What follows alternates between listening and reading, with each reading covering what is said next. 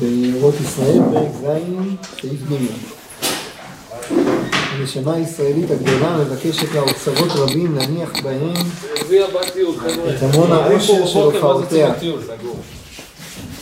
והם הם הלימודים הרבים, המעשים הגדולים והקדושים של תורה ומצוות ונגעי קודש ותפילה.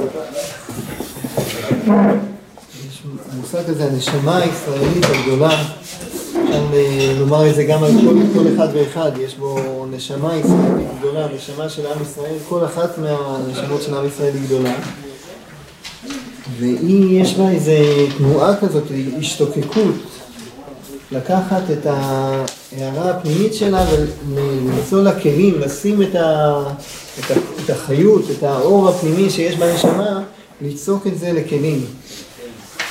ומה הכלים שהנשמה של יהודי יוצקת לתוכם, את ההערה שבה, אז זה הלימודים הרבים והמעשים הגדולים והקדושים של תורה ומצוות, מנהגי קודש ותפילה. זאת אומרת, התורה היא באה כאן לא כמשהו מבחוץ, במובן שיש את היהודי, יש לו את הנשמה שלו, ומשמיים שמו עליו את, ה, את התורה. כמו המושג הזה של כפה עליהם את ההר כגיגית, זה מצטייר בציור כזה של יראה, ובציור של...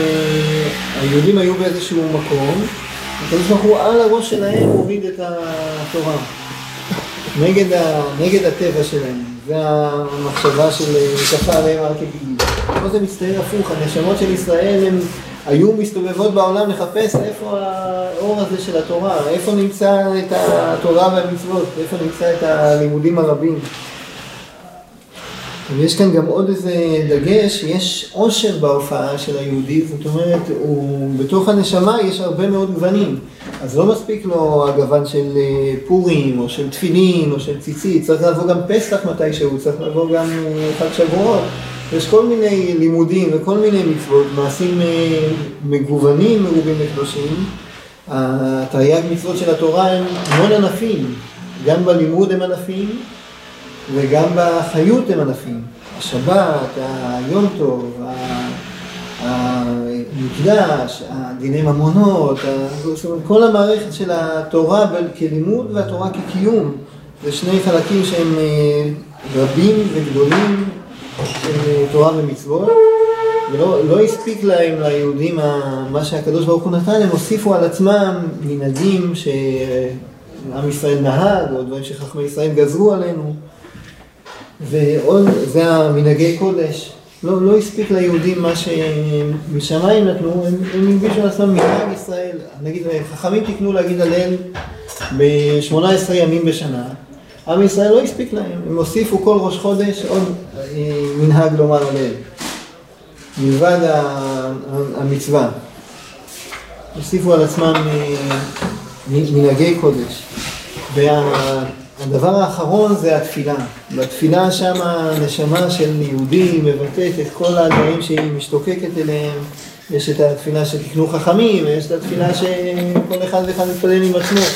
בלי הכלים האלה של לימודים רבים, מעשים גדולים, קדושים של תורה ומצוות, ותפילה, אז אין לנשמה של היהודי מקום לשים את ההערה שלה. אז בעצם יש חיפוש פנימי, זה בא כרפואה, זאת אומרת התורה והמצוות הם באים כרפואה לנשמה של היהודי, לא כעול שמונחת עליו ומשהו חיצוני, אלא משהו שהוא התרופה הפנימית לעצמות הנשמה של היהודי. זה קשור קצת למה שבמשנה במכות, רבי חנניה בן הקשיא רצה הקדוש ברוך הוא לזכות את ישראל, לפיכך חיבה להם תורה ומצוות. הרמב"ם מקשה שם כבר בפירוש המשנה, יש קושייה מאוד פשוטה, אם הקדוש ברוך הוא היה מצמצם לנו את מספר המצוות, אז היה יותר קל לזכות אותנו. עכשיו יש כל כך הרבה מצוות, אז הסיכוי ליפול באיזשהו משהו, באיזה ביטול עשה, באיזה עבירה, משהו יותר גדול, יש סל גדול של מצוות. להפך נהיה יותר קשה לזכות את ישראל, אז איך, איך זה עובד המשוואה הזאת? זה צד שאנחנו משלימים אחד את השני. הרמב"ם עצמו בפירוש המשנה הוא כותב שיש כל כך הרבה מצוות אז אחת אתה תעשה בימי חייך באמת לשם שמיים, בלי נגיעה, בלי איזה פגם, אחת תצא טוב, זה מה שמביא בגמרא במגילה, במה הוא יזכה לעולם הבא, שפעם אחת יתחלף לו המטבעות של פורים עם המטבעות של צדקה, עם, הוא נתן את הכל. פעם אחת הוא עשה... הנציבות שלום מביא את הרמב"ם, הוא אומר, הבן אדם עושה מצווה, לא לשמה. זה אפס, אפס, אפס, יש לו מלא אפסים. פעם אחד עשה לשמה, אז עשה את האחד, תעשה אחד וכל האפסים, תראה כמה זאת. מקבל עכשיו כנגד כל מה שהיה קודם. מיליארדים.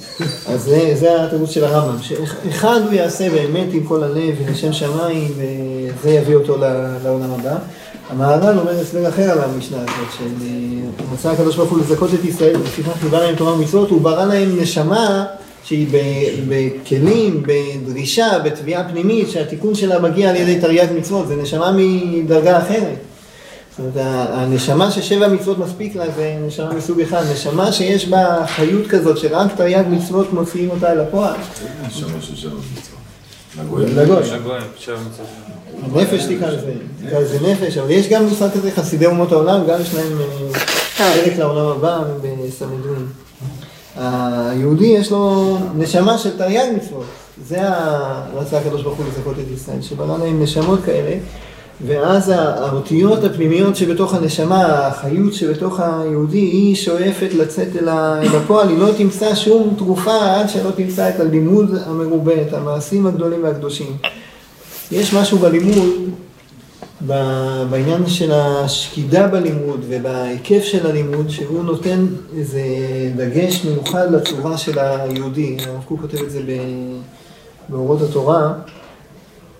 זה קצת על, על הדמות של היהודי, במובן הזה של לומד, של שקוד ללמוד תורה, יש פה משהו גם במובן של הרצון לפגוש את הקדוש ברוך הוא כל הזמן. אז הוא יושב ליד הספר אה, כל החיים בשקידה כזאת, זה תנועה שהוא עומד היהודי עם הנשמה שלו ומחפש איפה, איפה הקדוש ברוך הוא יעיר לו.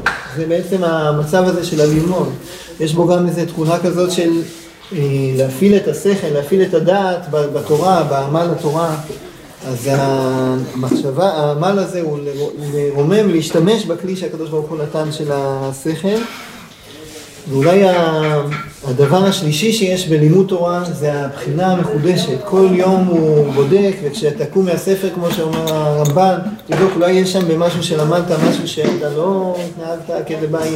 אז יש בעמל הזה של מה שהוא קרא פה, הלימודים הרבים, השקידת התורה היא מציינת משהו במושג של אה, נשמה יהודית, במובן שאין בענפים אחרים של החיים. אנחנו מדברים, ירבה להם תורה ומצוות, גם הירבה להם תורה מייצר מצב של עמל תמידי, של שקידה בתורה, של חיפוש ההערה האלוקית אל החיים, וגם לבחון את החיים כל הזמן לאור הלימודים האלה שבאים אלינו משמיים, אה, תורה שנהירה לנו. בסופו של דבר, התורה והמצוות הן תרופה לנשמה של היהודי, הן לא חובה עליו בלבד, אלא הן גם אה, תרופה, וזה קשור למה ש... שאמרו, שבימי אחשוורוש חזרו וקיבלו את התורה, כי הם, הם ראו את הקשר שלהם עם הקדוש ברוך הוא, ומתוך זה קיימו וקיבלו היהודים את כל אשר החלו לעשות, והם קיבלו עליהם את התורה מחדש, כי העצמות שלהם, העצמות של היהודים הם אה, מבקשים, מחפשים את התורה, המצוות, מנהגי קודש ושמונה.